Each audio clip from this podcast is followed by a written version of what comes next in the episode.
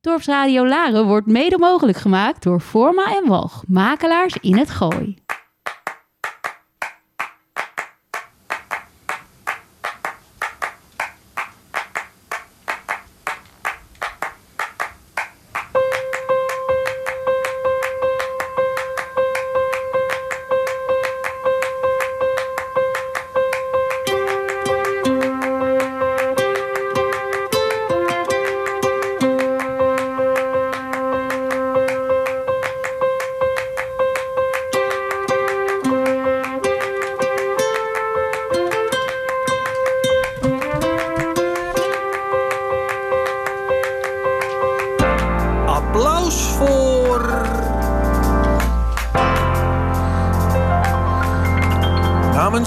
Dorpsradio Laren, een programma over muziek en cultuur voor de amateur tot professionele muzikanten, zangers en dansers.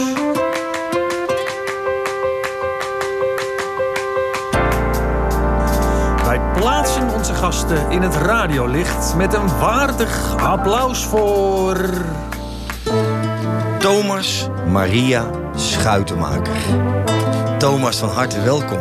En onze luisteraars kennen jou eigenlijk het beste als presentator van de Beep Talk. Dat klopt. Dank je voor de uitnodiging. eh, Welkom overigens. in onze studio. Ja, we gaan er een mooi programma van maken, Thomas. Want eh, Tom mag ik zeggen, hè? Ja, anders klinkt het wel heel katholiek. Want Tom, we gaan namelijk het boek met de muziek verbinden... of de muziek aan, de, aan het boek verbinden. Ja, allebei. Ik luisterde net in de auto luisterde ik naar de taalstaat van Frits Spits.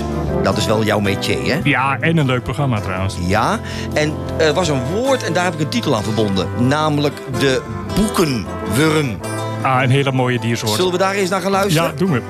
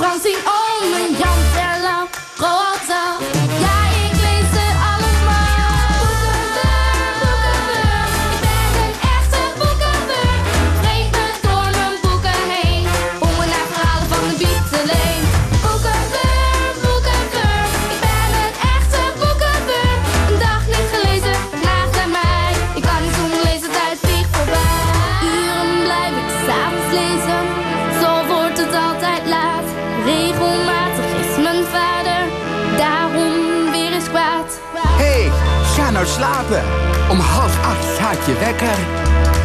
Jij hebt trouwens morgen boekenbeurt. Slaap lekker.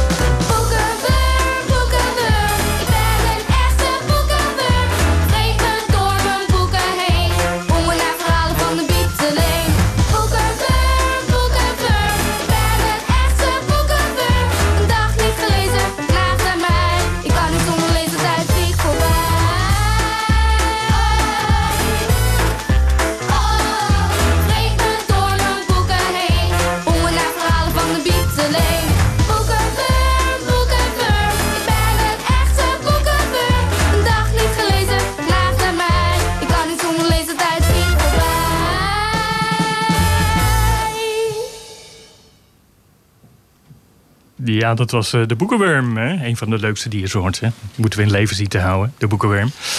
Bij het inzien van de nieuwe aanwinsten voor de bibliotheek Brinkhuis Laren hier onder mij kwam ik een intrigerend boek tegen. Die titel sprak me ook meteen aan. Het einde en hoe het te overleven. 119 schrijvers kijken de dood in de ogen. Dus we beginnen dit eh, programma een beetje serieus. Maar ja, dat moet ook eens kunnen. Naar mijn smaak hebben niet medici, maar vooral kunstenaars als schilders, beeldhouwers en schrijvers en filosofen door de eeuwen heen het meest ter zake doende over ons levenseinde geschreven. Ik zal even het, eh, het voorwoord eh, voorlezen uit het boek. Misschien eh, wordt het dan duidelijk waar het boek over gaat. Dat we moeten sterven staat onomstotelijk vast. Niets is in ons leven zo voorspelbaar als onze dood. Maar net dat einde is onze grootste vraagteken. Komt de dood niet altijd te vroeg? Is het leven nooit af? En heeft het überhaupt, überhaupt zin als het toch ooit ophoudt? En hoe doe je dat? Afscheid nemen? Geen mens die weet hoe sterven moet. Je kunt het ook niet repeteren, het moet in één keer goed. Maar hoe maak je die overgang? En is het wel een overgang? Volgt op de dood het zwarte niets, een eeuwigdurende slaap of toch een hiernamaals of een wedergeboorte, in welke vorm dan ook? Niemand die het weet, want nog nooit keerde een sterveling terug van gene zijde om het ons te komen vertellen. Wellicht is dat mysterie net de reden waarom de dood ons zo bezighoudt. Weinig mensen die er zich nog nooit vragen over stelden of nooit een lichte rilling over onbegrip, van onbegrip voelden bij de gedachte dat ons leven op een dag voorbij zal zijn. We kunnen moeiteloos voetbalstadions vullen met hen die ronduit bang zijn voor de dood. Ze vrezen de fysieke en emotionele pijn die met de sterven gepaard gaat. Maar net zo goed het definitieve, definitieve einde van hun gedachten, gevoelens en waarnemingen. Lees van hun hele wezen. Het besef van onze eindigheid stuurt ons aan en drijft ons voort. Maar toch proberen we ons, het ons leven lang buiten beeld te houden. Als we het kunnen vermijden eraan te denken, doen we dat maar al te graag.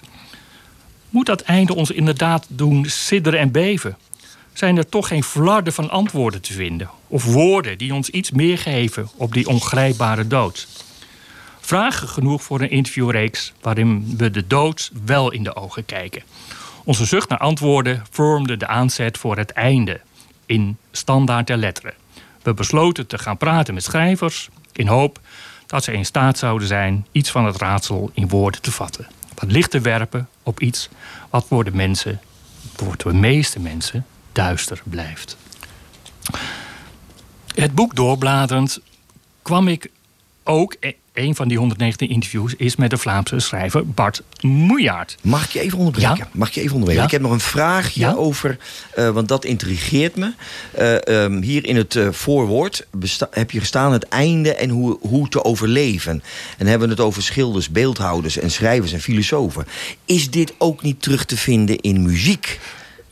Uh, ja, nou, nou, vooral, ik denk in alle kunsten. Ik denk Ja. dat alle kunst, eh, of het nou muziek is of, of eh, eh, beeldhouwkunst, schilderkunst, maar zeker ook muziek. Eigenlijk gaat alle kunst over de dood, hè, zou je kunnen zeggen. Het gaat over het maar dat komt omdat muziek over het leven gaat, maar het leven gaat ook over de dood. Dus muziek gaat ook altijd over de dood. Zeker, maar ook toen, ik, eh, toen wij dit programma voorbespraken... Ja. en eh, we de, boeken, de keuze van boeken hebben bepaald... is daar eigenlijk ook al gelijk bijvoorbeeld een stuk muziek bij ge- aangekoppeld. Ja. Dus bij de tekst, dat bedoel ik eigenlijk te zeggen... bij tekst of bij een boek kun je al eigenlijk fantaseren, filo- eh, filosoferen... wat voor muziek, wat voor sfeer, wat voor tekst heb je daarbij nodig om het te musiceren. Ja, en eh, dat klopt. Eh, dat probeer ik in Beep Talk in mijn programma eh, over de bibliotheek ook altijd, altijd te doen. Maar met dit onderwerp is het inderdaad makkelijk. Want kijk, dit onderwerp van dit boek, dan schiet mij het meteen allerlei muziekstukken te binnen. Ja. Want nogmaals, muziek gaat over leven. Leven gaat over de dood. Dus, dus die link is er voor mij al heel natuurlijk. Ja, en dan praten we nog niet eens over het psychologische Nee, aspect. nee, nee, hè? nee, nee, Want ik heb eh, in, in, laten we zeggen, in, in therapeutische groepen gezeten. En dan komt dit thema vaak, tot al heel vaak, komt naar boven. Hè? Niet Ja. alleen maar het grijze gebied van het leven, maar ook het zwarte gebied van het leven. Ja, ja, natuurlijk. Buiten het sprankelende deel in het Ja. leven. Ja, maar, maar eh, niemand leeft 100% sprankelend. Dus er is ook altijd wel een grijs gebied. En het, eh, en, en het voordeel van deze tijd lijkt me dat we het daarover kunnen en mogen hebben. Ik, ik denk dat de generatie van onze ouders, dat dat nog een taboe was. Tenminste voor mijn ouders wel. En dat taboe wordt wel minder, denk En ik. Wat heeft jou bewogen om dit boek te kiezen? Ehm, nou ja, kijk, ik, ik zeg, ik, ik, ik neem de nieuwe aanwinsten voor. En dat is een hele grote stapel. Hè? Dus, eh, en mij valt zo'n boek dan meteen op, omdat het eh, vanwege het onderwerp. Het, het, eh, nou ja, het gaat niet over barbecuen, tuinieren of Nee. nou noemen ze wat. Nee. En wat is tegenwoordig nog meer in? ik weet het allemaal niet. En dan denk ik, ja, dat gaat ergens over. En, het zijn, en nogmaals, wat ik ook al vertelde, hier worden schrijvers aan het woord gelaten. En volgens mij hebben schrijvers meer verstand van de dood dan medici. ik moest, ik, Dus ja. moest ik even laten doordringen. Ja, Ja. dus eh, tenminste, nou ja, ze hebben er iets zinnigs over te zeggen. Dus dan denk ik, ja, dat lijkt me interessant om, om te lezen. En, en het is ook zo'n boek, het zijn 119 interviews. Hè. Je hoeft het niet in één keer uit te lezen. Nee. Je, je kunt er ook vijf lezen en dan denk je, eh, je legt het weg en dan eh, de volgende dag tien. Dat is ook het voordeel van zo'n soort boek. En Tom, wat ook goed is voor onze luisteraars, eh, verbonden aan het programma Applaus voor. En onze luisteraars zitten niet en luisteren niet alleen maar in Nederland, maar tot aan Texas, USA hebben we onze luisteraars die naar Applaus voor luisteren. Zo. En het is even dan misschien ook goed. Jij bent werkzaam, jij bent bibliothecaris Ja. in de bibliotheek van Laren. Ja. En de leeszaal en de bibliotheek zit hier in het Brinkhuis te Laren. In het centrum, in het hart van Laren. Ja. En eh, zo zijn we eigenlijk ook tot elkaar gekomen. Jij met je prachtige, en je collega overigens. De prachtige Ja, programma. Wijnvoort Ja. en, en, en, en eh, Dasja Koot. We doen de, de ook. En wij zijn toen eigenlijk door middel van de Remblers zijn we, Ja. hè, het programma zijn we met elkaar in contact getreden.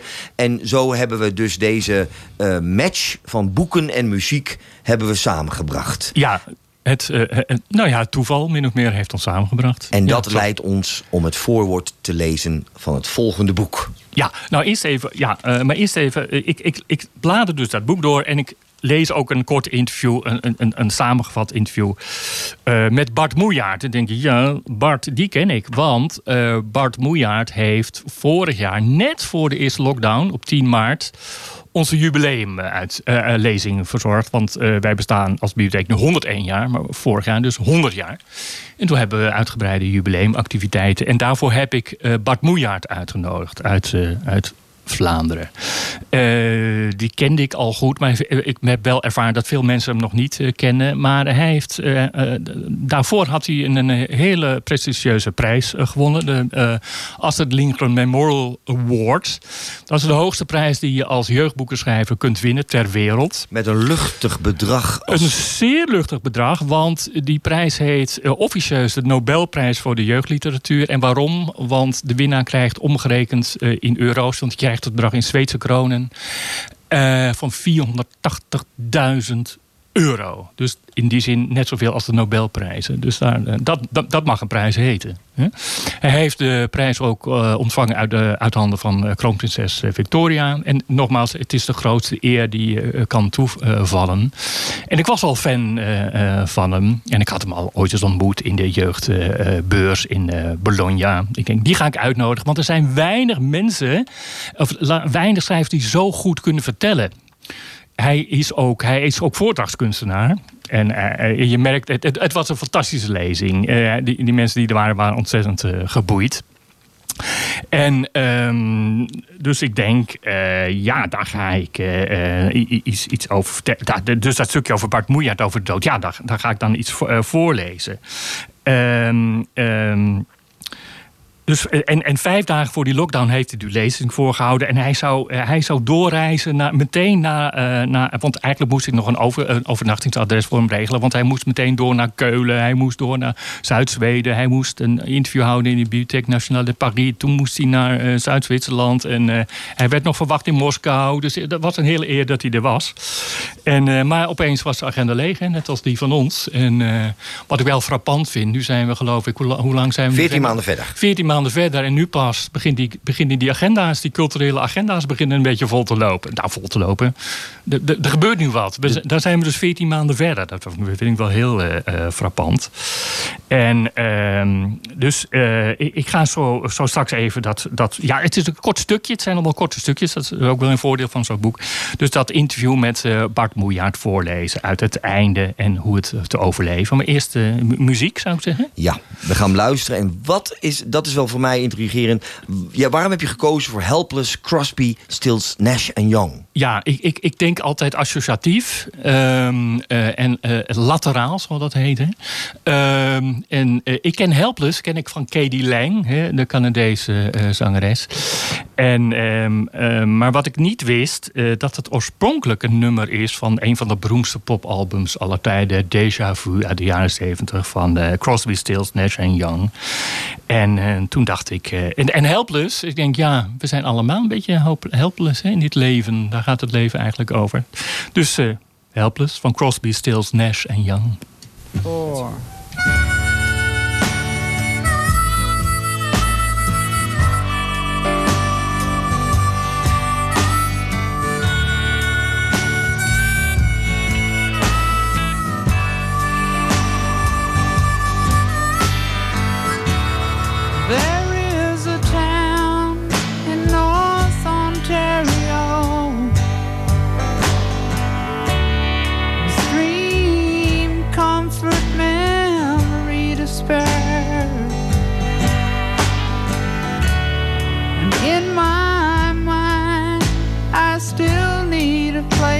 go. All my changes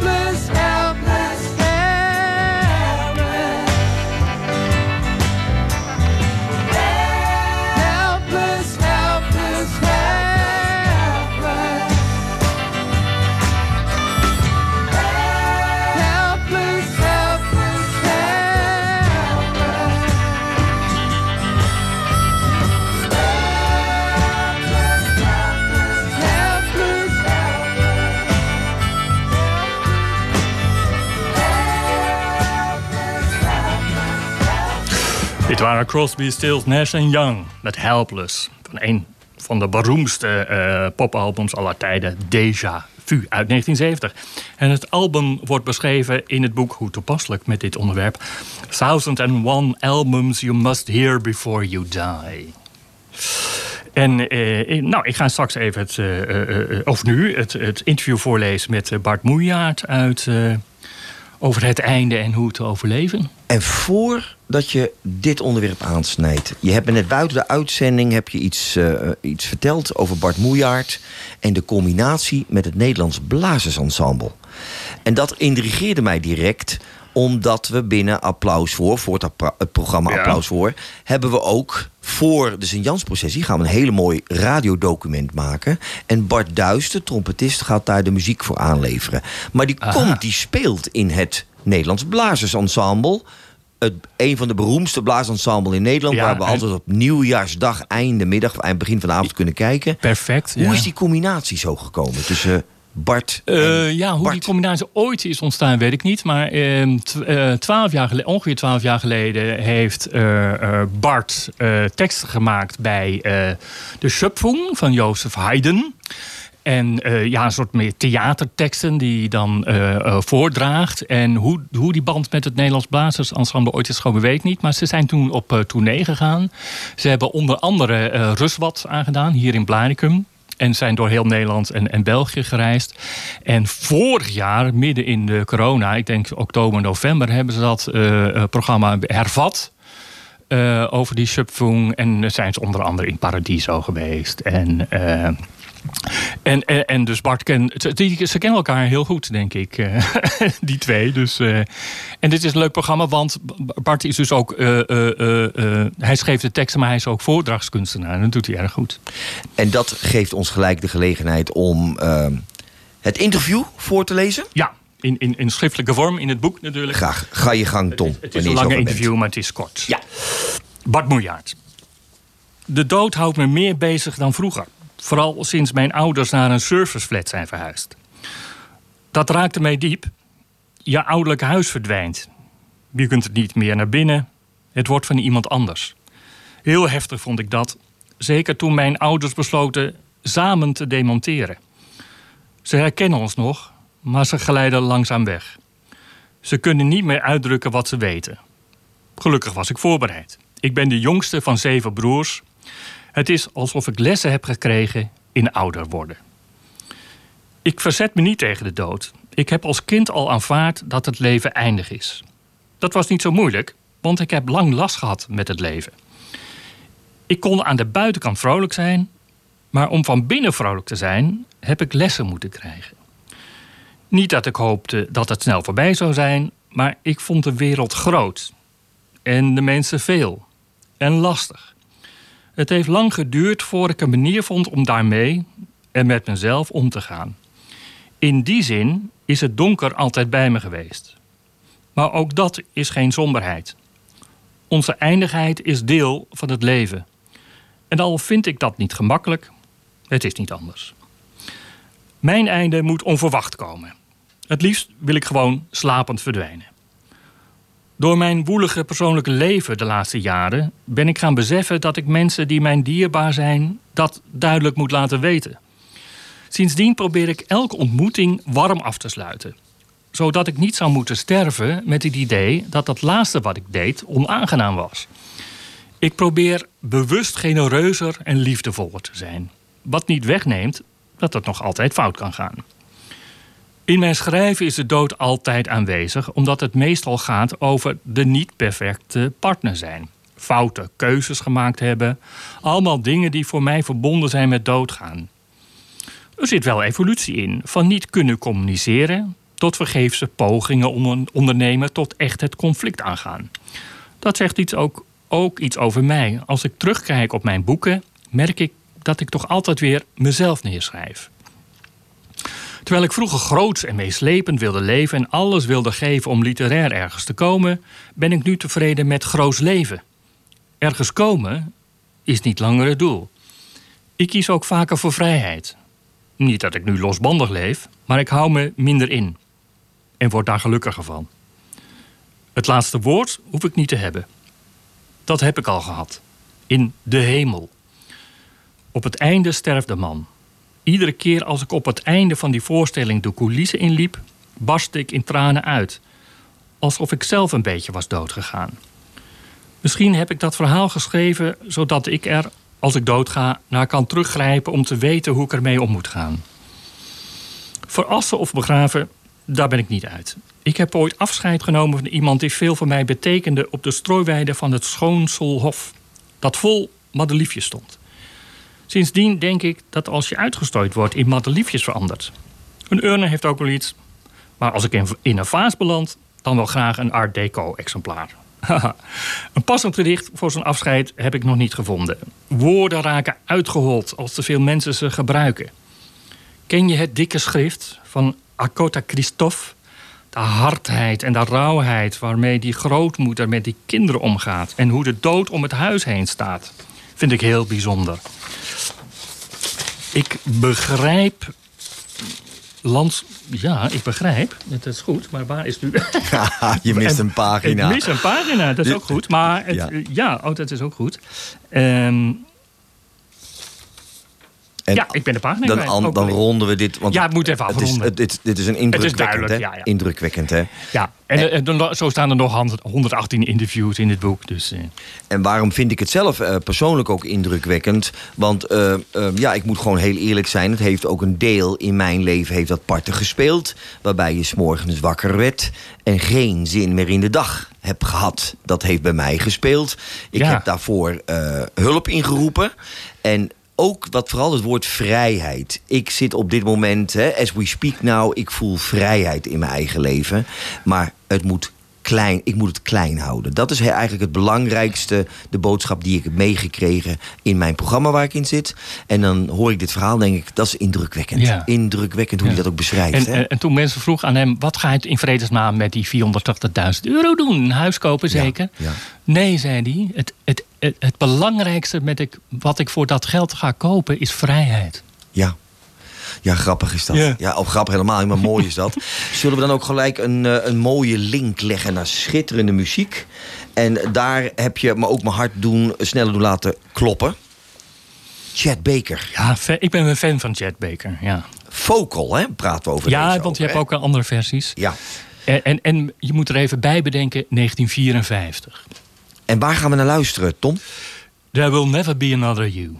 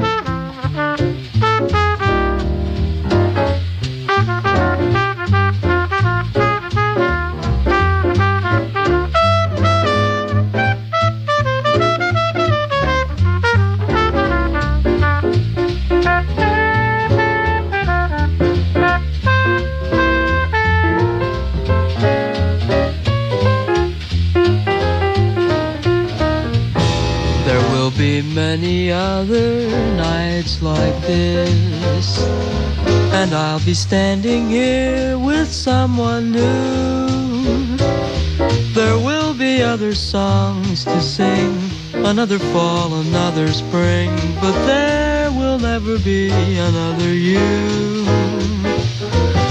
There will be other lips that I may kiss but they won't thrill me like yours used to do. Yes, I may dream a million dreams, but how can they come true if there will never ever be another you?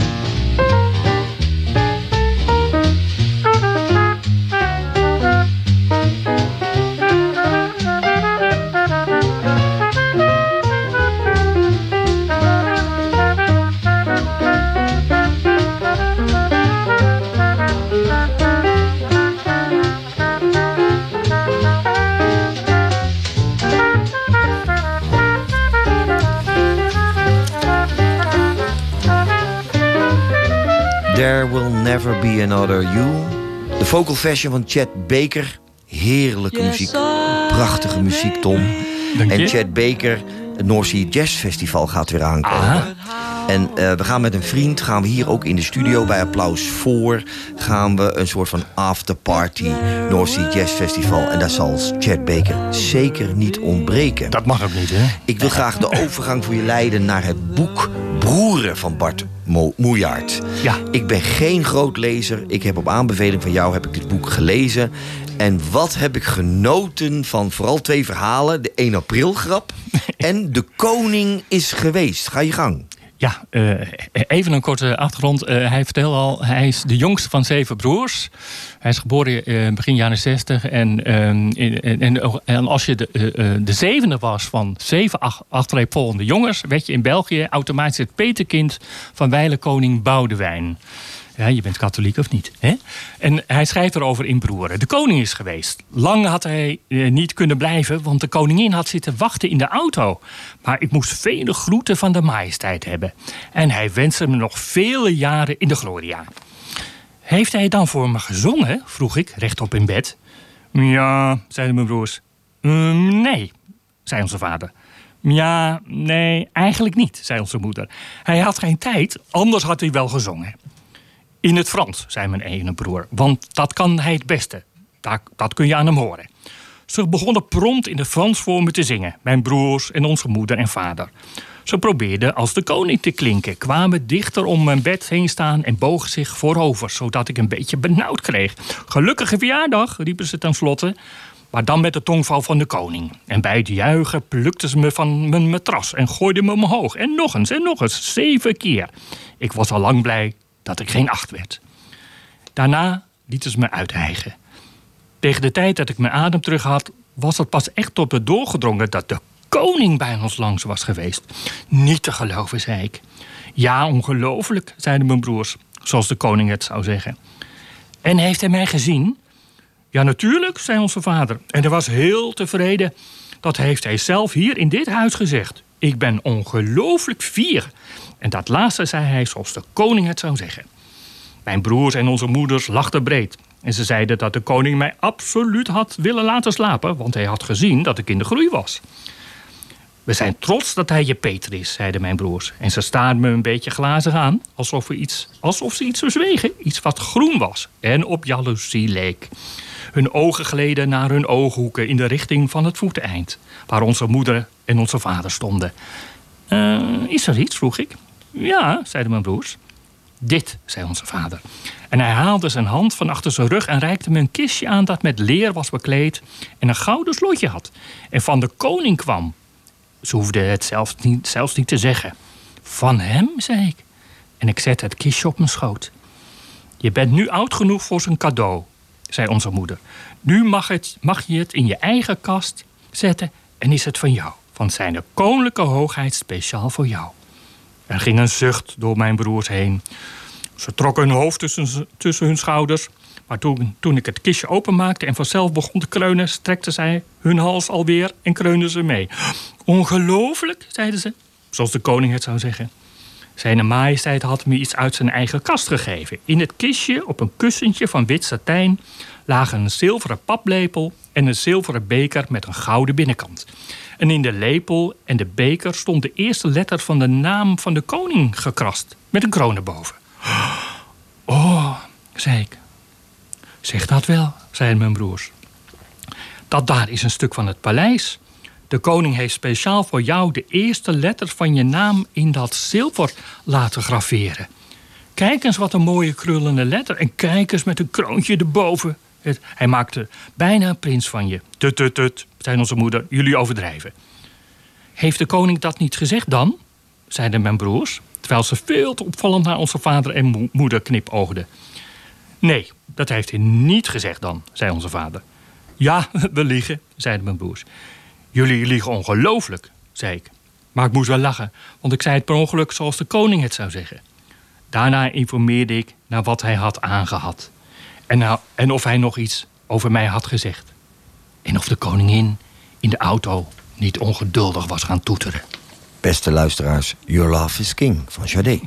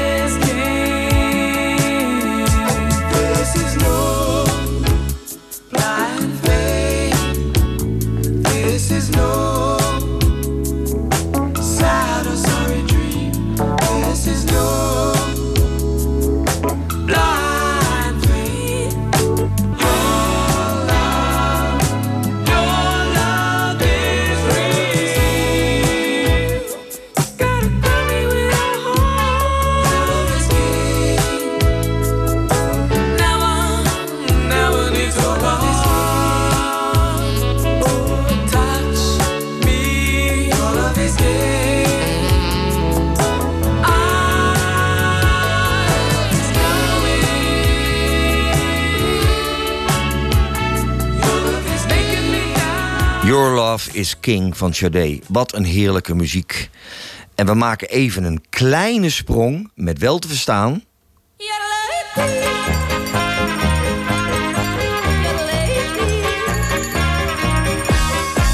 Mijn tante Jo, Jo, Jo, tante Jo, Jo, Jo, mijn tante Jo, tante Jo, tante Jo. Mijn tante Jo, Jo, Jo, tante Jo, Jo, Jo, mijn tante Jo, heet de Fatima Jo. Tante Jo, Jo, Jo, tante Jo. Tom, excuses voor deze platvloersheid, maar dit moest ik even doen. Want ja, mijn tante heet ook Tante Jo. Oh ja? En Oh, eh, jij gaat nu de serieuze deel van Tante Jo overnemen. Of het was een krachtige vrouw, hè? Het was, de, de tante Jo, eh, want de Rotterdamse waar ik het over heb, is, was inderdaad een heel eh, krachtige eh, vrouw. Ze komt voort in, in, in, een, in een andere aanwinst eh, ehm, eh, van Sander Donkers. En eh, hij sch- heeft een heel mooi boek geschreven over zijn tante Jo. Eh, de Amsterdammer Sander Donkers had een heel bijzondere Rotterdamse tante, tante Jo. Ze zorgde voor hem, paste op, maar bovenal hield ze onvoorwaardelijk van Sander. Hij begon tijdens de eerste coronagolf over het alledaagse leven van zijn tante te schrijven. Zelden kreeg hij zoveel reacties, want iedereen heeft blijkbaar zo'n tante Jo. Maar wat maakt haar zo universeel? Tante Jo is al 25 jaar dood en toch moest Sander begin dit jaar aan haar denken. Dat kwam door de coronatijd. Die eerste paar weken toen iedereen thuis was, ontstond er een bijzondere sfeer waarin mensen de schouders onder alles zetten. En in plaats van schoonmaken, plots de hele zolder begonnen eh, te schoon te maken. Ik had toen een gesprek over hamsteren. Dat deed eh, tante Jo namelijk ook altijd sinds ze de oorlog had meegemaakt.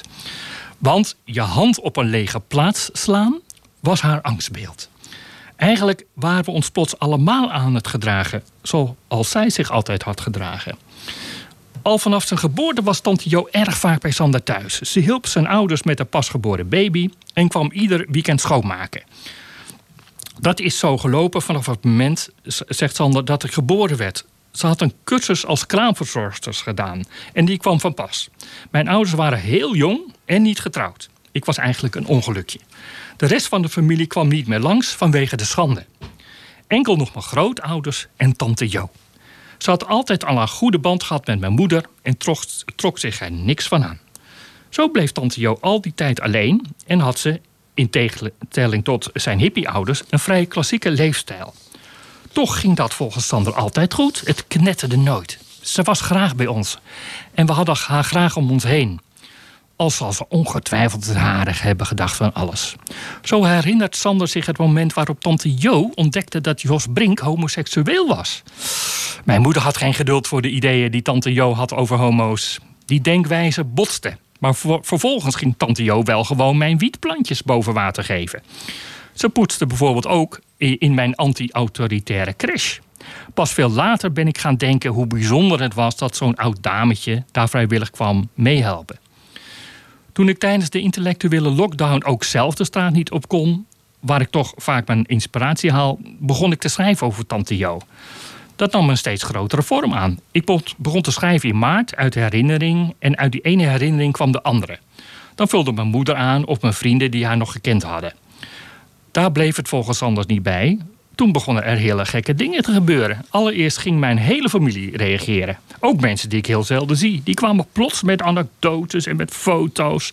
Vervolgens kwam ik erachter dat mensen van Keulen, de schrijfster en onze vroegere buurvrouw, ook nog een verhaal had gemaakt met mijn tante. Het was een fantastisch verhaal waarin ze met tante Jo door Rotterdam struint. En daar kwamen, kwamen anekdotes voor die ze niet zo snel tegen mij zou hebben gezet, gezegd. Hij wist niet wat hem overkwam toen de reacties op zijn columns maar bleven komen. Blijkbaar staan ze voor iets groter. Ik denk dat er in de meeste families wel zo'n persoon is waarover het op familiefeesten iets vaker gaat. Tante Jo was echt zo'n powervrouw. En daardoor viel ze op.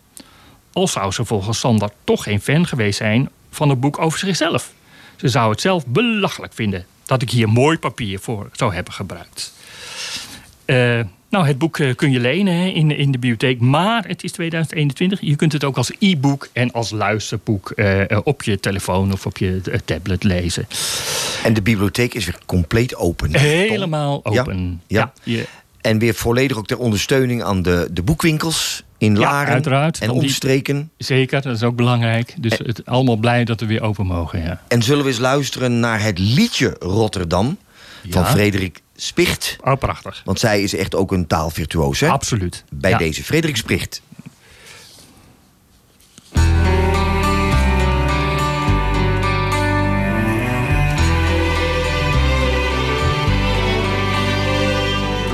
Huizen hoog, een grijze mast.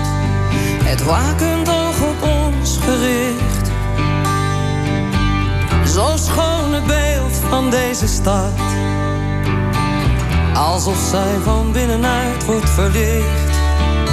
Een zwaan die rust, het wiegen nimmer staakt. Daar de god der zee bij haar zijn roes uitslaapt. Rotterdam gestolen schat. Rotterdam, stad zonder hart. Rotterdam, gestolen stad. De bliksem splijt de grauwe lucht met weergaloze kracht. Donder, traag gebulder dreunt dreigend door de nacht. Zij die nog leven, opnieuw bevreesd. Zij die weten hoe de gestolen schat. Rotterdam, stad zonder hart. Rotterdam, gestolen stad. Hoge hakken, natte klinkers. Korte rokken, lippenrood. Verbergen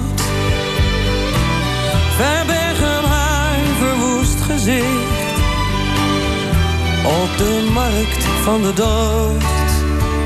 Hij kruipt, hij krimpt, zij kreunt, ze lacht. Op de roes die elders op haar wacht.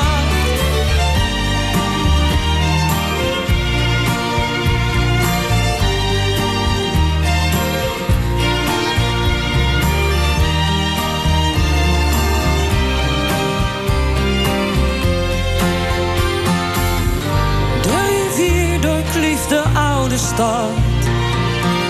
Met haar stromend roestend goud. Steen, staal, vuur en glas. Het nieuwe hart dat zich ontvouwt. Elke zeeman, of hij die gaat, kent een liefde voor de stad. Die zich niet beschrijven laat.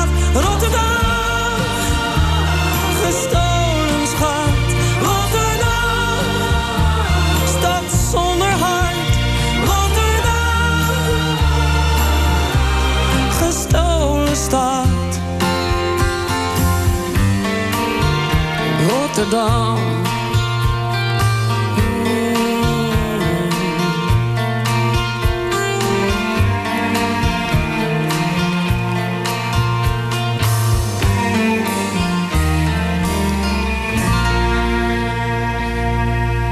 Frederik. Je hoort en ziet niet zoveel van haar op dit moment, Tom. Nee, het is, het is een beetje een niche. Eh, ze, ze- ze is, eh, maar haar teksten zijn ook prachtig. Hè? Maar ze was, Het is ze was of is nog altijd ze was wat apart, hè? Ja, ze is apart. En eh, qua uiterlijk, maar ook... Is mijn beste vriend. Hey, haar beste vriend is ook in de Erik studio. komt net binnen, onze volgende gast. Ja, logging. En het is ook een leuk mens. Maar ja, eh, eh, eh, literair, mooie muziek. En niet voor iedereen, denk ik. Maar wel voor mij. Ik wil nog iets eh, vragen. Van de week ehm, was er een documentaire, of documentaire, een, een programma. En dat ging over jongeren en het lezen van boeken. Dat zal vast niet positief zijn geweest. Nee. En, en vooral ging het ook even over natuurlijk dat eh, dus, eh, de verkopen, het verkopen van boeken... dat het dramatisch aan het dalen is. En ik zei net iets heel onaardigs. Ik, dat heel veel jongeren kunnen nog niet twee, drie woorden achter elkaar... in een volzin melden. Niet dat mijn taal geweldig is, maar Tom, hoe zit dat bij de bibliotheek? Zie je daar een goede, groeiende inloop? Of zie je daar verschuivingen met het uitlenen van boeken? Nee, niet met het uitlenen van boeken. Maar waar we als bibliotheek heel sterk op inzetten, is eh, leesbevordering. We hebben net een, van de week heel toevallig een intentieverklaring getekend met eh, College de Brink, dus VMBO.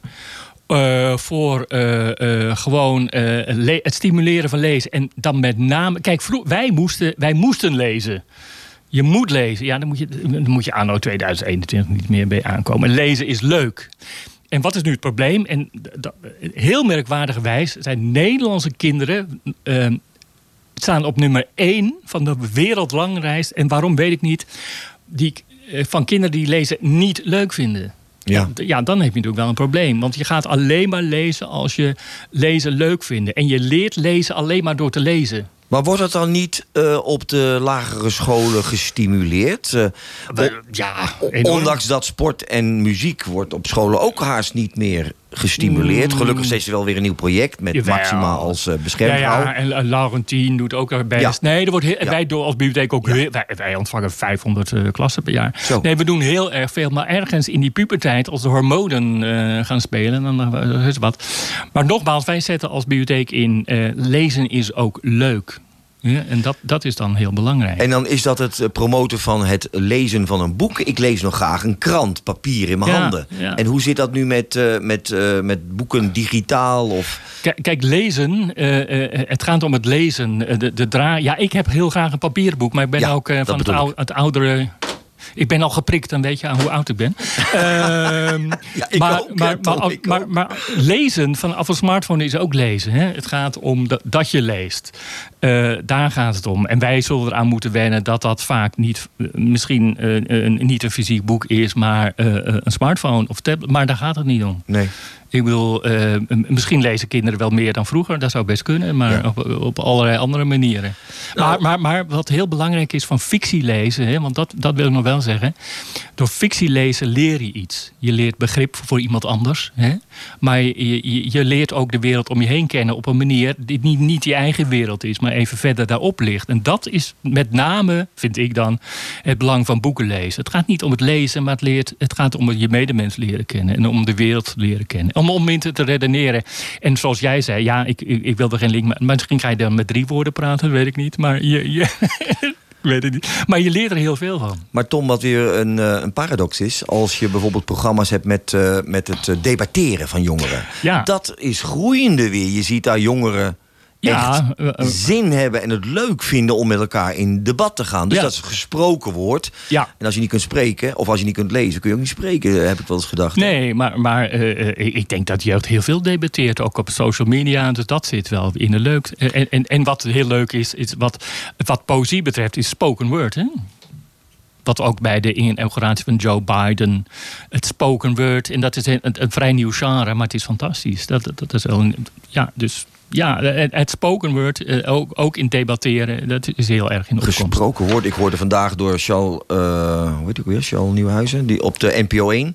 Dat ging Ja. over een jonge dame van 18 jaar die in Texas op de university bij haar graduation heeft daar een speech eh, neergezet. En die speech was niet helemaal conform wat er was afgesproken.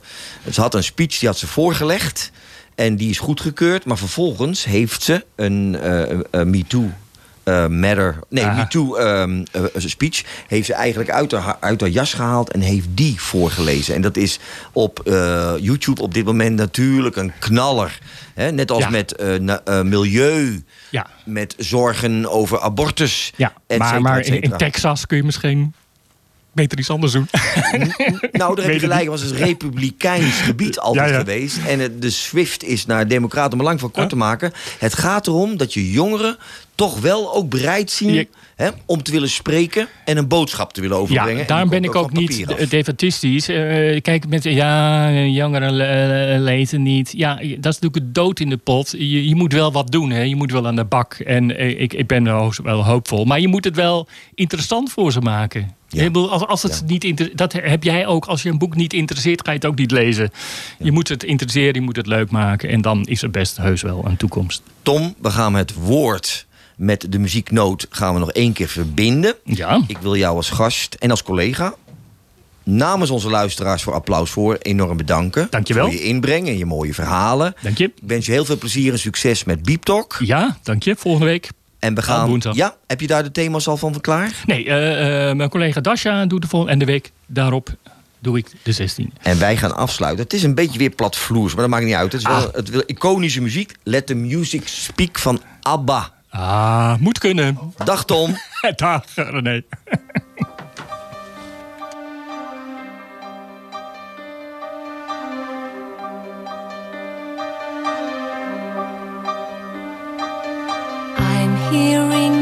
Images, I'm seeing songs no poet has ever painted.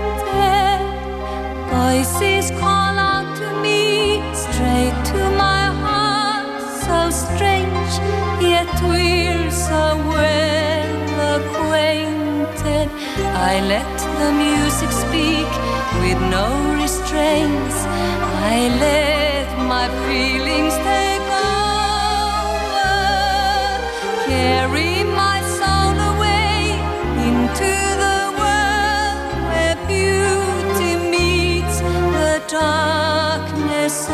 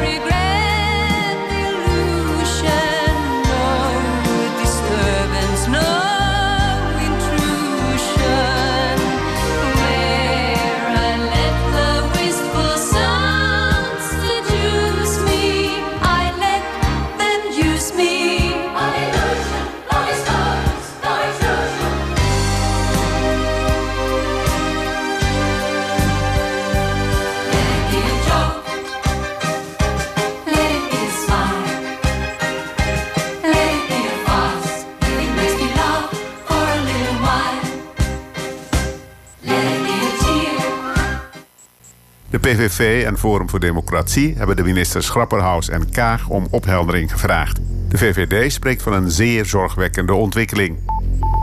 Een Amerikaanse rechter heeft het verbod op aanvalswapens in de staat Californië van tafel geveegd. Het verbod uit 1989 noemt hij een mislukt experiment in strijd met het grondwettelijk recht op het dragen van wapens. De federaal rechter vergeleek semi-automatische geweren met een Zwitsers zakmes, ook handig voor thuisverdediging. Ook hekelde hij het dat AR-15-geweren, die bij veel massale moordpartijen zijn ingezet, in veel andere staten wel zijn toegestaan. Bij een controle in de Rotterdamse haven heeft de douane 700 kilo cocaïne onderschept. Bij straatverkoop zouden de drugs 52 miljoen euro opleveren. De kook zat verstopt in een container vol bananen op een schip afkomstig uit Colombia. Die was bestemd voor een bedrijf in Barendrecht dat volgens justitie zeer waarschijnlijk niets met de smokkel te maken heeft. De drugs zijn na de vondst gisteren vernietigd. Het weer bewolkt met in het noordoosten nog een fikse regenbui, ook met onweer. Later in het westen ook af en toe zon. Bij een zwakke tot matige, aan de kust vrij krachtige noordwestenwind is het 16 graden aan zee tot 22 in het noordoosten van het land. En tot zover het radionieuws. Op zoek naar een leuk en origineel cadeau? Zaak Cadeau en Interieur. Altijd originele cadeaus. Voor elk wat wils. Sieraden, woon- en kookcadeaus, kitstaf, kleding, verlichting en nog veel meer. Laat je inspireren in onze winkel en op onze site. We adviseren je met liefde, graag en goed. Volg ons ook via Insta en Facebook, zo blijf je op de hoogte. Zaak Cadeau en Interieur, Zevenend, Laren. Tegenover het kermisterrein. Voor een goede zaak en smaak. Tot zo! Hou je van tennis, sportiviteit en gezelligheid? Kom dan tennissen bij het Laar. Idyllisch gelegen achter het Hertenkamp. Op deze locatie hebben wij zes prachtige gravelbanen, een minibaan voor de kleintjes en een mooi zonnig terras met clubhuis. We werken met ervaren trainers en organiseren veel leuke evenementen en toernooien. Ga voor meer informatie naar www.hetlaar.nl. Tot op de baan! Balance in Life. Op zoek naar positieve, helende energie? Vanuit eigen ervaring en inspiratie biedt Ekaterina begeleiding bij het vinden van een nieuwe weg. Waarin creativiteit en vitaliteit in kunst centraal staan. Open een deur naar een rijker en voller leven en leg dit vast in een eigen kunstwerk. Balance in Life door Ekaterina. Nieuweweg 41b, Laren. Bel 0633 042842. Leef je droom. Wacht niet tot morgen. Dorpsradio Laren sponsoren?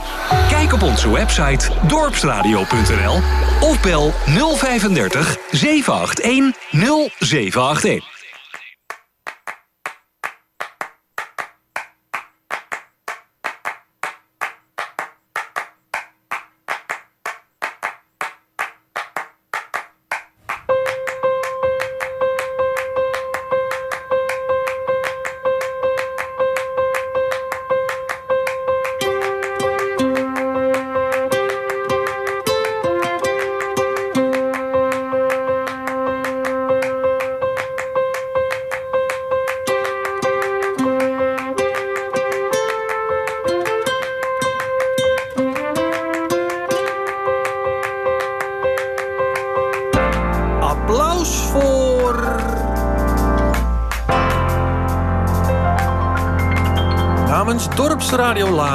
Programma over muziek en cultuur voor de amateur tot professionele muzikanten, zangers en dansers. Radio.nl, hè?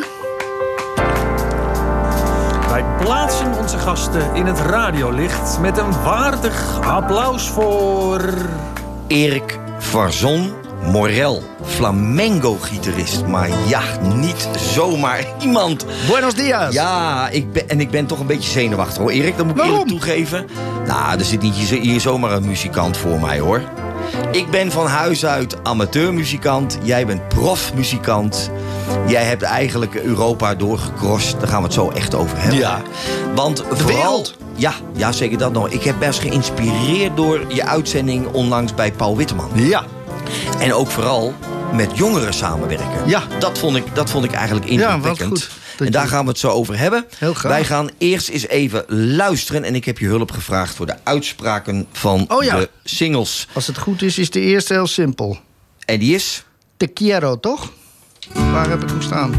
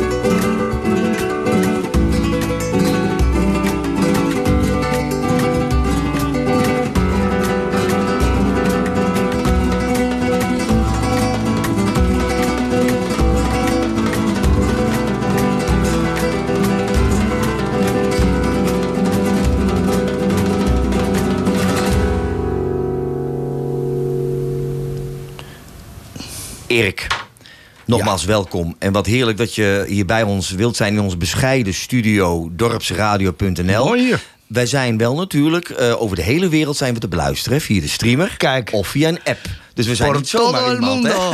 El mundo entero. Ja, en ehm, ik heb zo genoten, buiten dat ik je al eh, meerdere keren ook in concert heb mogen bewonderen.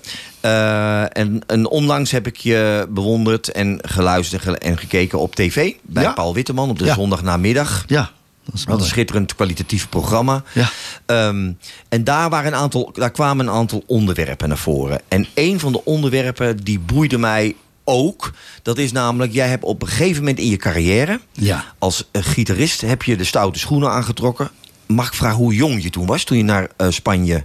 Ik was net 19. Ik had net 19. mijn eindexamen af. Ja, en dat wil ik even kort zijn. Ik was 21. Ik pakte mijn backpack. Ik zat in de, laten we zeggen, drumband en showcorpswereld. Ja. Alleen in Amerika is dat een heel competitieve. Ja, ja, je hebt high school, college bands en dan heb je drumcore. En ik pakte ook mijn koffer. En ik ben naar Memphis, Tennessee Wauw, verhuisd. te gek. En later, en tot slot, heb ik jongeren weer gepromoot of begeleid naar de USA. Nou, te gek. En waarom was dat eigenlijk?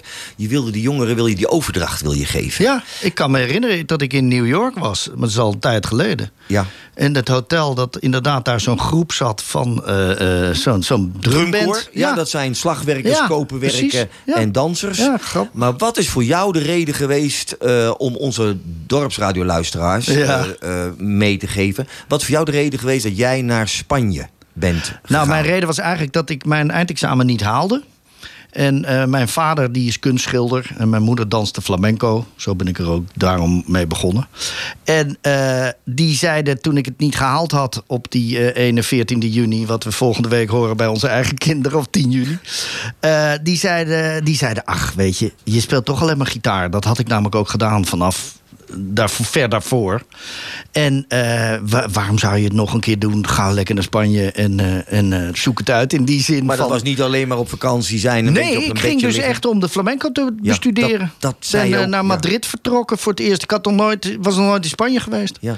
Want jouw muziek, jouw muziek komt dat vooral, komt dat is heel Spanje of is het echt Madrileens? Is het... Nee, nee, nee. Het is eigenlijk Andalusia. Hè? Het is Andalusia. Het is zuidelijk Spaans. Maar de flamenco is inmiddels zelfs eh eh, werelderfgoed geworden. Hè? Dus in die zin is het wijd en zijds verbreid. Maar heel Spanje houden ze van flamenco. Maar het zuiden, daar is de oorsprong. Madrid is de professionele wereld. Daar kwam ik eigenlijk meteen in terecht.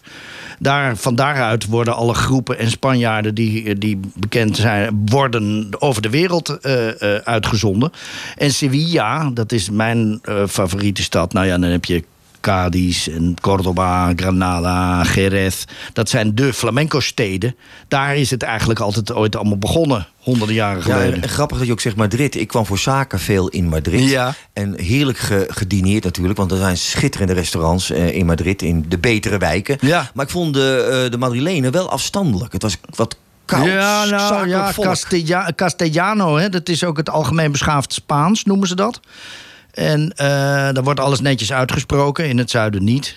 Da- da- Dan zeg je voor Cadiz zeg je Cai.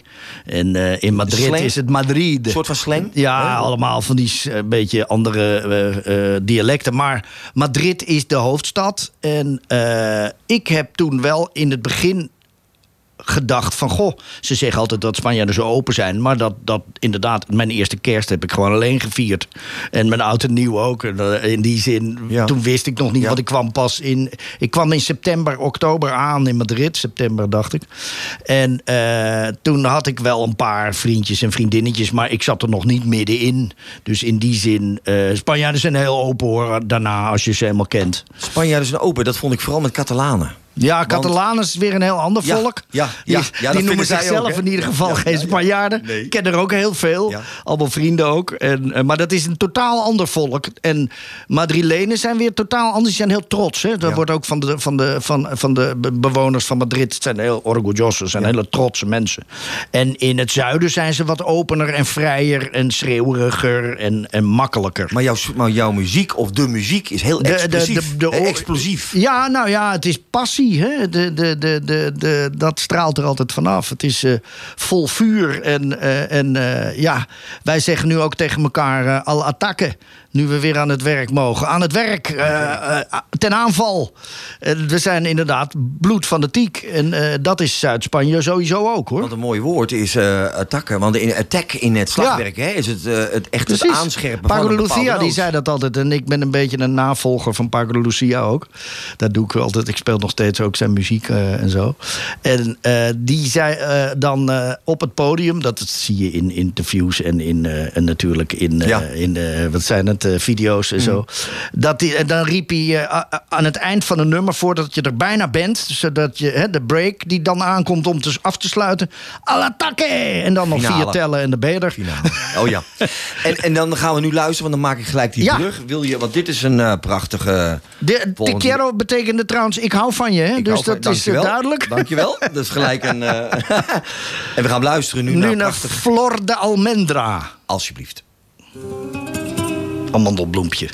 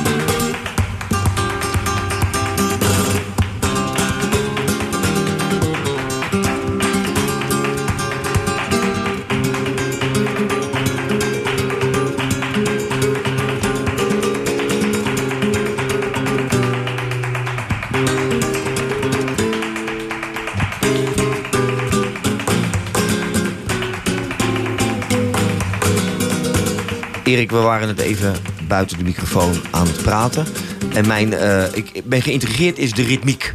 Ja, dit, dit is trouwens wel grappig. Hè? Dit is eh 12, 1, 2, 3, 4, 5, 6, 7, 8, 9, 10. Als je dat snel doet. Hier.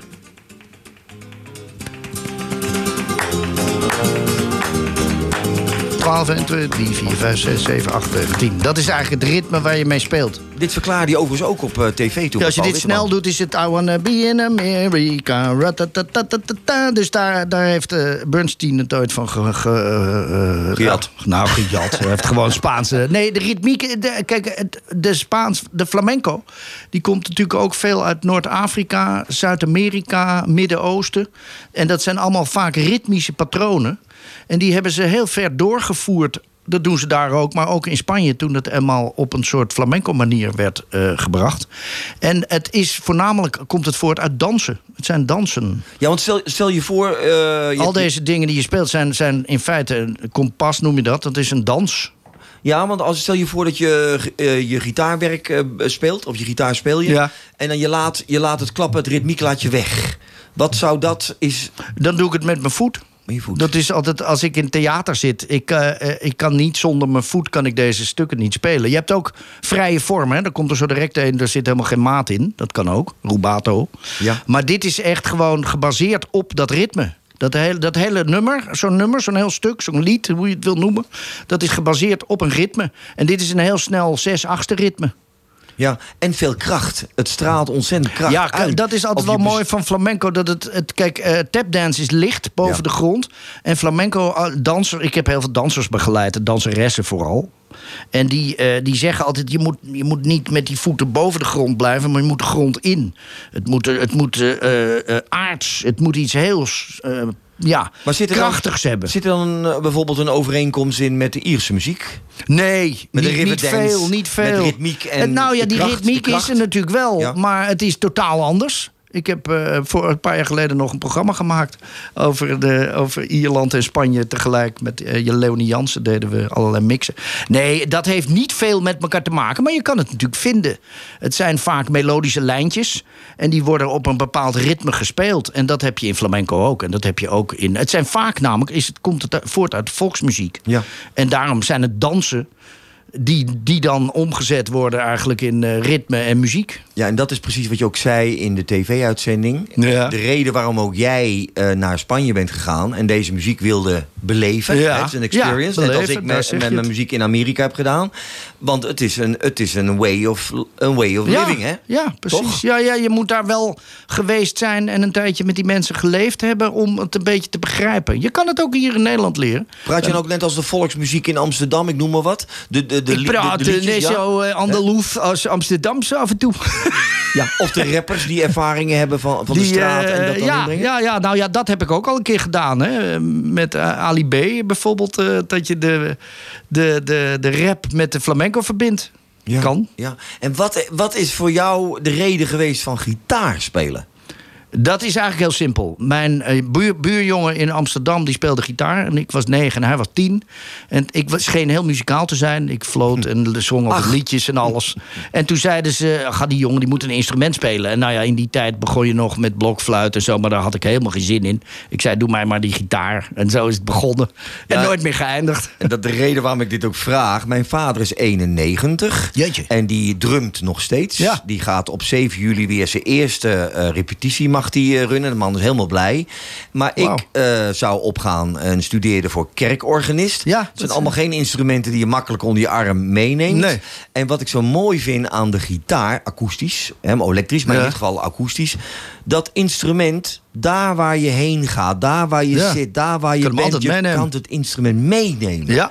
En Ja. gelijk sfeer brengen. Precies. En want op eh, weekendkamps met jongeren of met Ja, mensen, ja, ja, ja, ja, ja. Nee, ik speelde altijd bij de kampvuurtjes vroeger. En dan gingen al mijn vriendjes met de mooie vrouwen er vandoor. En dan zat ik op het laatst daar nog in mijn eentje. of tenminste, met een paar die met- ook nog niet en- en waren. een bol. Die ook nog niet besteld waren. Wordt jouw muziek begrepen door eerst maar volwassenen? Jawel, nou Jouw ja, publiek? Kijk, het is, een, eh, het, is, het, het, het is nog steeds waar, we, waar je het, uur hiervoor over had. eh, het is nog steeds een niche natuurlijk. Ik vind dat een rotwoord. Maar aan de andere kant, het is wel waar. Eh, ik ben geen eh, Jan Smit of zoiets. Dus je bent gewoon met van alles bezig.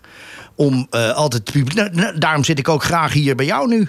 Je probeert. Ik heb nu namelijk in het gooi. Heb ik in Singer zijn mijn echt vaste vrienden geworden. dat ze- komt ook voornamelijk door René Rekers, de hoofdtechniek. En eh Evert van Os, de directeur. En al die mensen eromheen.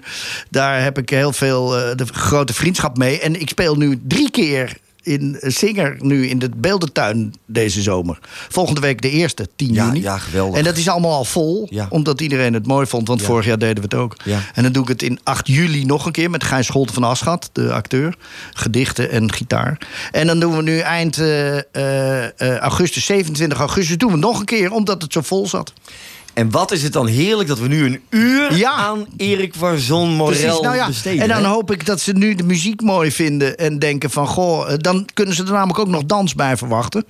Die, die, dus dat is visueel nog leuker. Ja. En eh, die dansen die nu langskomen, die, die worden ook gedanst dan door een danseres. En nou ja, het maakt het nog net iets mooier allemaal. Daar gaan we het zo nog even over hebben als je het goed vindt. Want Ja, beste tuurlijk. luisteraars, eh, Paul Witteman... eh, in dat programma, was een paar weken geleden, Ja, Erik? ja, ja. Daar haalde je op dat moment had je ook een, een sessie met een jonge danseres... en twee jongeren En die op, komt mee ook hier op overal. percussion. Ja. Waar gaan we nu naar luisteren, Erik? We gaan nu luisteren naar Recuerdo. Herinnering betekent dat. En waar gaat het over? Dat is eigenlijk een herinnering aan alles wat eh, voor, voorheen gebeurd is. Dan maar niet aan het afgelopen Allemaal jaar mooie denken, hè? dingen vooral. Ja, niet Nee, aan het mooie afgelopen dingen, jaar. mooie hè? dingen. Gaan we naar luisteren. Zijn Wil je, alleen maar wil je mooie er één keer uitspreken? Recuerdo.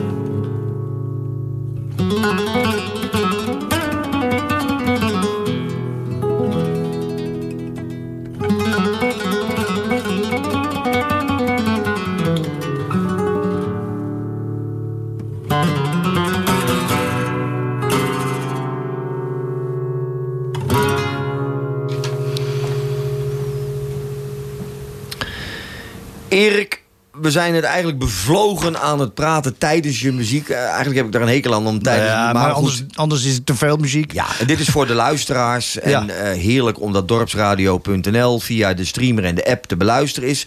Nogmaals, mijn vrienden in de United States luisteren nu. Oké. Texas. Hey, guys welkom in de, in, eh, in de studio. Hè? Wauw. ik wil eens even hebben, want dat boeit me heel erg. Dat is de jongeren. Ja. Daar heb je ook eh, behoorlijk sterke uitlatingen over gedaan. Dat het zoveel voor jezelf maar heeft veranderd. Ja, nou, het, is, het is ook een beetje gekomen nu. Toevallig wel, toch, door die corona. Dat we geen. eh, ik geef les op het Conservatorium van Amsterdam. En dat is eigenlijk de enige baan die doorging. Want al mijn optredens die werden maar afgezegd en afgezegd en uitgesteld en uitgesteld. Gelukkig ga ik nu weer aan het werk volgende week. Maar ik speel woensdag al in de meervaart en donderdag en volgende week dus ook in het. En ik zit ook nog op zaterdag 12 juni, dat is wel goed belangrijk, in de mes in, naar de vesting. Ja. Een klein nieuw theater. Volgende week zaterdag. En dat doe ik nog alleen. Volgende week speel ik dus met de danseres in Singer. En mijn dochter Eline L. heet ze tegenwoordig als artiestennaam. En die is singer-songwriter. En die is eh, 20. En, en de danseres is ook 20. En eh, het zijn hele jonge mensen. Singer-songwriter is zij, maar dan ook gitaar, Ja, ze speelt gitaar, piano, alles. En ze mixt nu. Ze maken al. Het zijn van die tegenwoordig hele producers. Hè. En ik doe nu een beetje mee met ze. Ik speel ook namelijk tegenwoordig met een loopstation. Net als eh, Ed Sheeran, weet je wel. Ja, die, ja, ja, ja, ja. En dat heb ik van hun afgekeken. En nu kan ik dan mezelf begeleiden. Dus dan speel ik zelf het, het schema in. En dan speel ik mijn solo's eroverheen. Maar dat komt allemaal door die jonge mensen. En het is heerlijk om met ze te werken. En wat gebeurde er in de tv-uitzending met Paul Witteman? Zanger, een danseres en twee jonge muzici. Ja. Afgestudeerde muzici, Percussionisten. percussionisten. Ja. Ja. Met eh, die bijzondere boksen. Ja, de cajons. Ja. Cajons. Mijn vraag is, Ja. zo'n compositie die daar gespeeld wordt... is dat de ritmiek wordt eerst neergezet en jij begint te spelen... of was het een bestaande compositie en zij nee, dit, eh, dit zijn erin? Composities. Mhm. Vrijwel altijd als ik speel met, met mijn groepen. Ik speel ook wel eens met anderen met hun composities. Maar met mijn groepen spelen mijn composities. En die zijn gebaseerd op de flamenco-ritmes. En dat is daar. eh, en natuurlijk hebben we het gerepeteerd van tevoren. Het is niet één grote improvisatie, wat veel vaak mensen denken. Maar alles staat wel vast. Nou, denk ik niet, maar zo voelt het. Omdat je denkt nou, van, het, het je moet gewoon, dus, hè? eh, dat noemen ze kompas in, het, eh, in, in de flamenco. Het is, het is een soort, de, de groove. En die groove die moet je dus eh, ritmisch allemaal op elkaar afgestemd hebben. En dan kan je daar heerlijk overheen spelen. En dan speel je vaak in flamenco toch een soort, net als de standards in de jazz. Er zijn wel bepaalde dingen die terugkomen de hele tijd. In de flamenco vooral de ritmiek.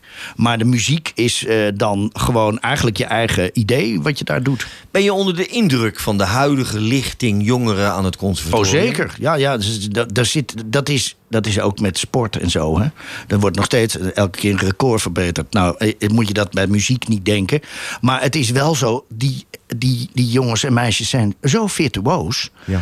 dat je, ze kunnen dingen waar je zelf van denkt van... wauw, hoe, hoe, hoe jeetje. Geen patat nou heb ik zelf vroeger helemaal meer, niet. Nee, Nee, en nee, ik heb vroeger nee. zelf heel hard gestudeerd. En daarom kan ik nu nog steeds zoveel eh, virtuositeit tentoonspreiden. Want als ik dat niet had... Ik doe nog steeds elke dag speel ik drie uur gitaar. Maar klopt het dan als jongeren eh, om jou en bij jou zitten en staan...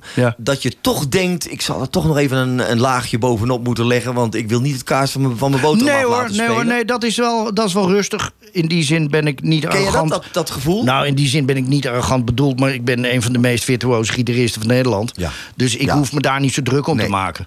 Ik kan hele snelle deuntjes spelen en, en so- soms nog... Maar ritmisch ben ik natuurlijk zeer onderlegd. En Erik, hoe ben je dat zo...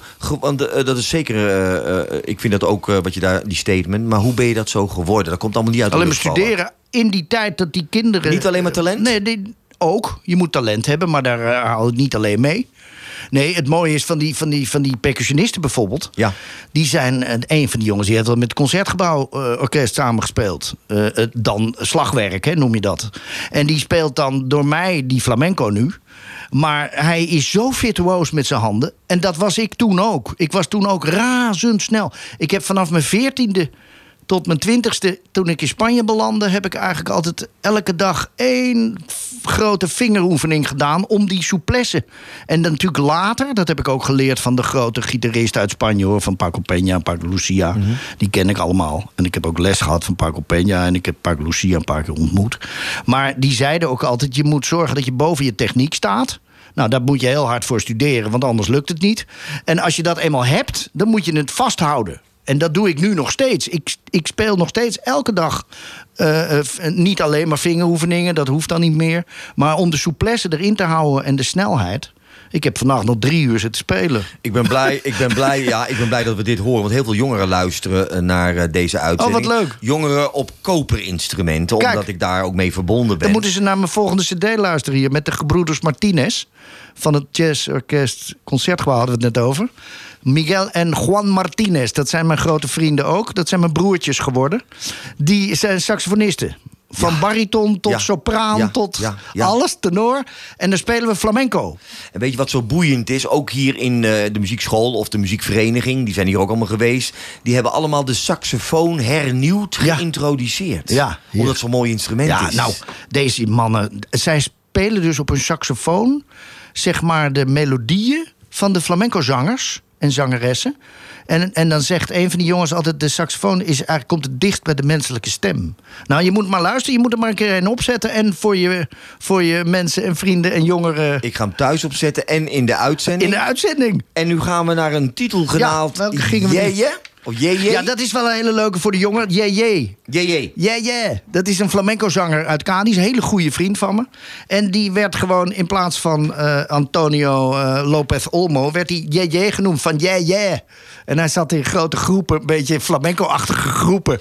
waar ze ook een beetje vrolijke muziek maakten. Weet je wat ik zo heerlijk vind? Dit is Eh, echt eh, volksmuziek wat je zo direct hoort. Het is een beetje een, beetje een soort... eh, ik noem het altijd een beetje Jordaan. Beste luisteraars, eh, als je deze, naar deze man kijkt, onze gast... het is gewoon één brok passie. Het is gewoon één brok passie. Dus we gaan luisteren naar... Ja, het is een Alegrias. En het heet JJ.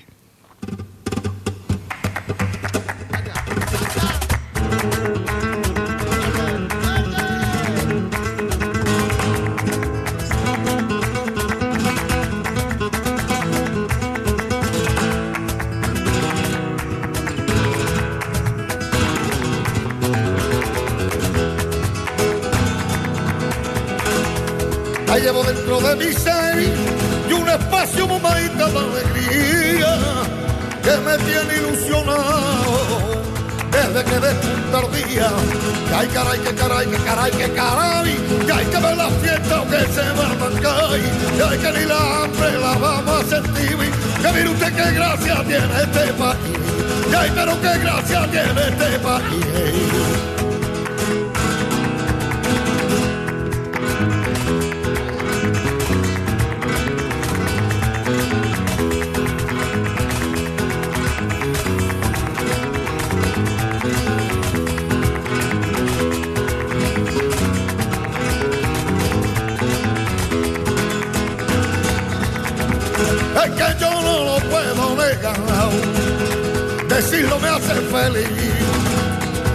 Yo nací mulato y nietecito del Talabarí.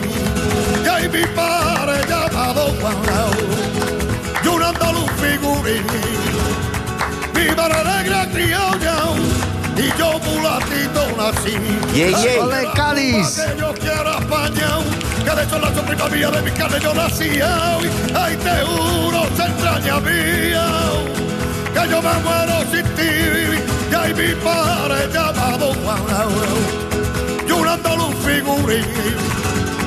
Mi madre negra criolla y nieta del Talabarí.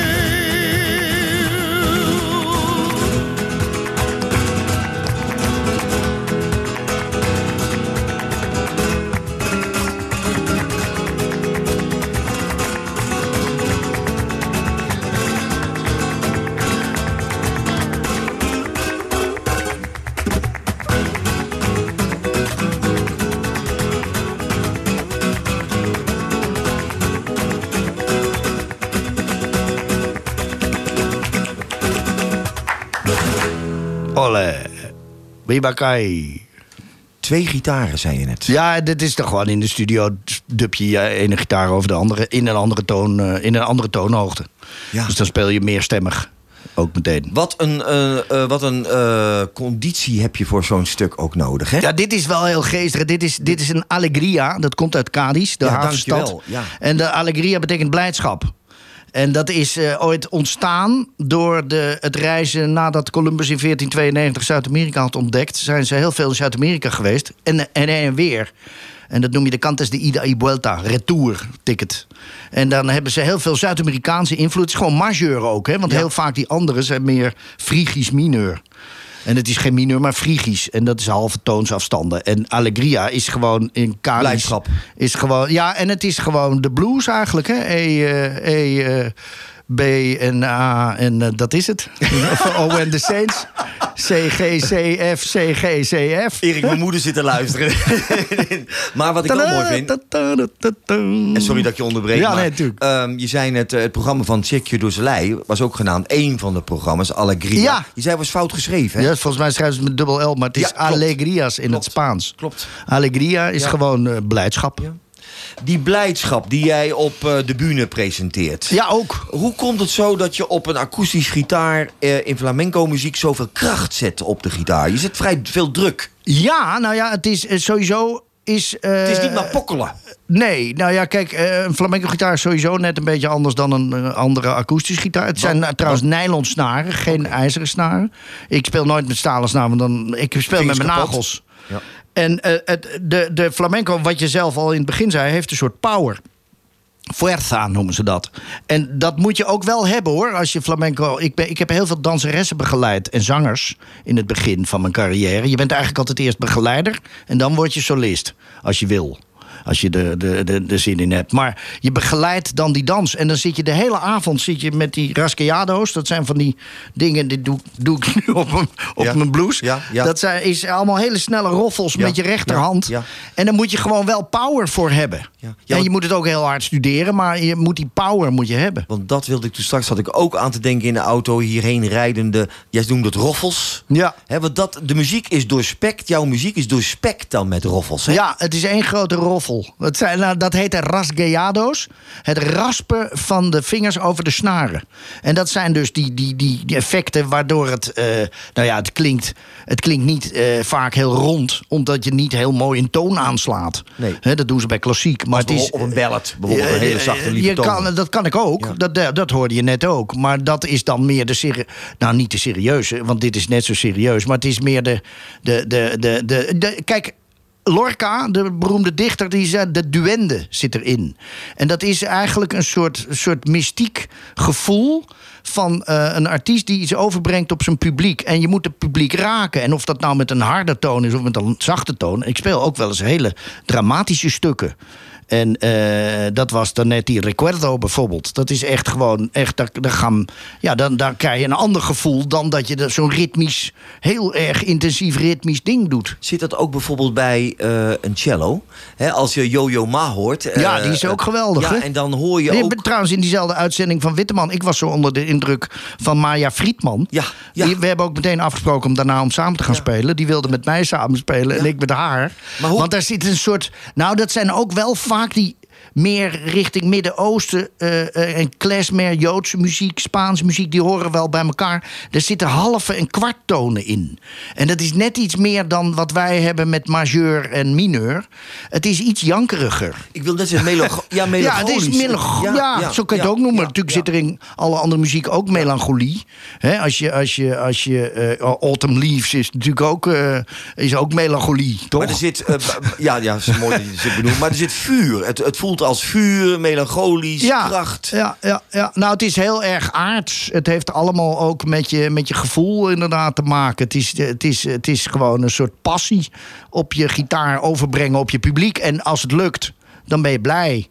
En in, dat probeer je elke avond weer. Nu, daarom ben ik zo, heb ik zo gemist. Een half jaar lang niet. En dan mag ik volgende week eindelijk weer voor het mensen. Want ik heb een paar keer zo'n livestream gedaan. Vind ik echt vreselijk. Ja, mijn collega's met koopinstrumenten en orkest Het is een ramp, want je zit gewoon, leuk je zit gewoon zo- Ja, zoals ja, nu ja. tegenover een cameraman. En, en, en, en, die, en die kijkt niet eens. Die zet zijn camera erop. En dan krijg je vervolgens geen applaus. En je weet wel dat er mensen meeluisteren en kijken. Maar je, je voelt je alleen maar opgelaten. Ik vind het vreselijk. Zullen we dan nu luisteren naar een van je mooie werken? Want dit zijn allemaal je eigen Ja, werken. welke hadden we nu? Eternal. Eternal, zeg ik Eternal. Precies. Ik heb hem Eternal genoemd. Tegenwoordig heet hij trouwens... Moet je maar, eh, moet je maar straks eh, voor de auteursrecht noem ik hem Eterna Melodia. Dat vind ik veel mooier. Want anders krijgt die Amerikaanse rotmaatschappij nog steeds geld ervoor. Ik zeg. Eternal. E- Eternal.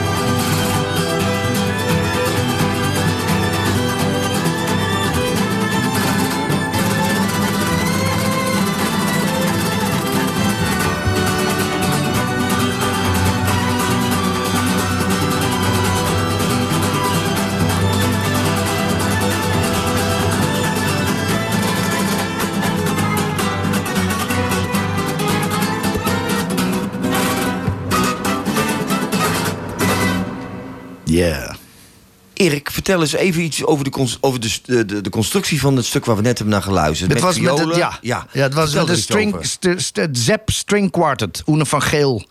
Grote vriend van mij ook. Fantastische altviolist, componist, arrangeur. En eh, dit nummer heb ik ooit geschreven... eigenlijk een beetje met mijn moeder in gedachten. God hebben haar ziel. En dat hoor je aan het eind. Dat gaat helemaal eh, door, bij, mij door het merg en been. Het kwam uit eigenlijk net nadat ze overleden was. En eh, ja, dat is gewoon... dat strijkkwartet. Is, dat is een jazz-strijkkwartet. hè, Meer geïmproviseerde muziek. Maar die kunnen alles. En, en dat heb ik toen gecombineerd. Die hebben ook, ik heb namelijk twee jaar later, in 2010... eh, heb ik mijn eerste flamenco opera ooit uitgebracht. In het Concertgebouw Amsterdam ook. De grote zaal. En het was een heel groot succes. Dat was met Erik Vloeimans, Zep String Quartet... en eh, een paar fantastische Spaanse artiesten. En nu... eh, en Maarten Engeltjes, fantastische countertenor... En nu ben ik met de tweede opera bezig, Caravaggio. En daar ga ik ook weer allerlei dingen mengen. Ga je daarmee on tour? Ja, dat waarschijnlijk dus pas over twee jaar. Ik bedoel, ik had de schrijfopdracht gekregen al van het Fonds voor de Podiumkunsten. Dat was heel netjes. Maar dat is, eh, dat is eh, niet aan tijd ge- gebonden. Dus ik, kan, eh, ik schrijf nu totdat ik het klaar heb. Nou, ik heb nu wel alle tijd daarvoor natuurlijk. En het komend jaar ook, hè, want het is heel raar. Al mijn concerten die dus opgeschoven zijn, dat waren er nog maar een paar. En de rest eh, eh, wordt dus niet opnieuw geprogrammeerd. Bevallen, bevallen. Nou, er wordt, er, er wordt niet opnieuw geprogrammeerd. Dat is pas in 2023 zo'n beetje. Maar ja, we doen ons best. En ik speel veel nu deze zomer, gelukkig. En je vertelde, ik wil even teruggrijpen, een mooi verhaal net buiten de uitzending over Ja. Jimi Hendrix. Vertel Ja, nou, dat is wel toevallig. Omdat, ik over. weet niet hoe we erop kwamen. Jij zei je vrienden in Amerika. Ja. Nou, ik speelde de, de, de Sena Guitar Awards. Dat is van de Sena. En die hebben elk jaar... eh, dan geven ze de prijs aan een beroemde gitarist. Of het nou John Pet- Petrucci en het was eh, Jan Akkerman natuurlijk ook. Die is er ook altijd bij. Grote vriend ook. En eh, die prijs werd... hij nu eigenlijk? Als ik vraag Jan is al boven de 70. Ja, toch? Ver boven de 70. Ik denk al 75, maar nou drie, vier. En die zie ik geregeld nog. En eh, die, eh, dan doen we één keer per jaar een soort eh, tribute. en dan komt zo'n man over. En Jimi Hendrix was nu natuurlijk postuum. En ze konden niks, want er kon niemand komen vanuit Amerika. En toen hebben ze Jimi Hendrix, de, de zus en de producer... ik ben even die naam kwijt, die zag ik laatst nog op een plaat staan. De beroemde man die altijd zijn... Kan je niet helpen. En die, die hebben geïnterviewd, hebben we gelivestreamd mee. En toen hebben wij een concert gegeven vanuit Nederland. Met alle grote mensen. Jan onder andere ook, Akkerman. En, en hoe heet het? Eh, eh, Pablo van de Poel, van de, van de Wolf. Eh, fantastische gitaristen allemaal. Hebben we een tribute to Jimi Hendrix. Met, de, met de, de zus van Jimmy erbij. En ik speelde Spanish Magic Castle. Of Spanish Castle Magic. En dan wordt er in het midden wordt er geroepen... And it is not in Spain. Dat zegt hij zelf. en dat heb ik ook gedaan. En daar heb ik toen een dansje bij gedaan. Met mijn flamenco laarzen. Jack, je ziet dat we gewoon een USA-story voor je hebben. Hè? Welcome this morning. Erik, ehm, wat, een, wat, een, ja, wat een dynamiek. Jouw muziek straalt al dynamiek uit en, en plezier uit en, en vrolijkheid, blijdschap uit. Kan ook trouwens trouw, eh, treurig zijn. Ja, verdriet, natuurlijk. Dat mag dikke ook. lach en Melancholie. ja. Erik, wat gaan we, laten we eens even nog benoemen, de concerten die er nu gaan aankomen. Laten we Nou, die nog eens benoemen. Moet ik even waar- goed uit Ja. mijn hoofd. Maar ik heb de hele zomer concerten. Je kan altijd op mijn eh vaarzonmorel.com kijken. Alsjeblieft. Vaarzonmorel.com. En dan heb ik eh, volgende week begin ik in de Meervaart. Woensdag en donderdag. En dan heb ik zaterdag de mes naar de vesting. Zondag Singer Laren, Beeldentuin. En dan ga ik door. En ik weet het niet helemaal uit mijn hoofd. Maar dan heb ik 26 eh, juni in Tobacco Theater Amsterdam. Maar daar kan je ook eh, heerlijke tapas en wijntjes bij drinken. Dat is ook altijd belangrijk. De Orangerie in eh, Elswoud, in gaat- Overveen. En ook met fantastisch, dat is iets nieuws hè, sinds vorige zomer. Daar verdien ik ook mijn geld mee tegenwoordig. Gewoon bij hele mooie etablissementen mooi spelen. Maar als er lekker eten bij is en drank. De, vroeger deed je dat ook. In Spanje is dat gebruikelijk. En ik wil graag... En dan zit ik ook nog in, in poppodium Helmond. speel ik ook nog.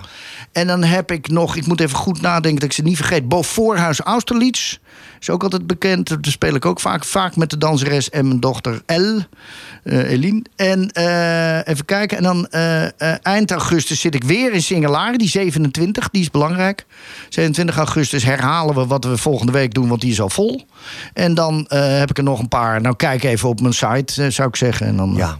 En Erik, wat, eh, ja, ik moet nog wel één keer zeggen. Wat een eer dat je hier in onze studio bent. Nou, ik vond het ontzettend studio. leuk, man. En dat we met elkaar heerlijk zo eh, Ik spontaan... kom, eh, ik kom graag nog eens terug. Ja, dat is zeker en weten. wij hebben elkaar wel wat te vertellen, gelukkig. En ik, ja, en ik zei net tegen je van, en dat wil je, zijn er hele mooie orkesten in de Havabra-wereld die mooie concerten hebben of fanfares. Ja, ja. Omdat je hebt het ook al heel moeilijk Ik heb ook met al die orkesten gespeeld. Jij bent geïnteresseerd om concerten met deze mensen op nou, de lijn met mijn muziek. Ik heb met het Jazzorkest Concertgebouw met Henk Meutgeert en Juan Martinez. Heb ik heel veel gespeeld. En, eh, maar er zijn eh, vaak van die big bands. De, het Brabants eh, Big Band, Jazzorkest, eh, noem maar op. Jeroen Dominique. Allemaal van die, van die orkesten. En ik heb het zelfs hier met, met, in Huizen met Prinses Christina Harmonie. Dus het kan ook in Laren, het kan ook in Blarikum, het kan overal. Hoor is dat een prachtig Ja, dit is La Más Guapa del Mundo Entero. Dat is mijn vrouw. De mooiste van de hele wereld. Erik, dankjewel om onze gast te zijn. De nada. Goede gezondheid gewenst. Gracias a ti. Groetjes thuis en tot snel hè Erik. Hasta pronto.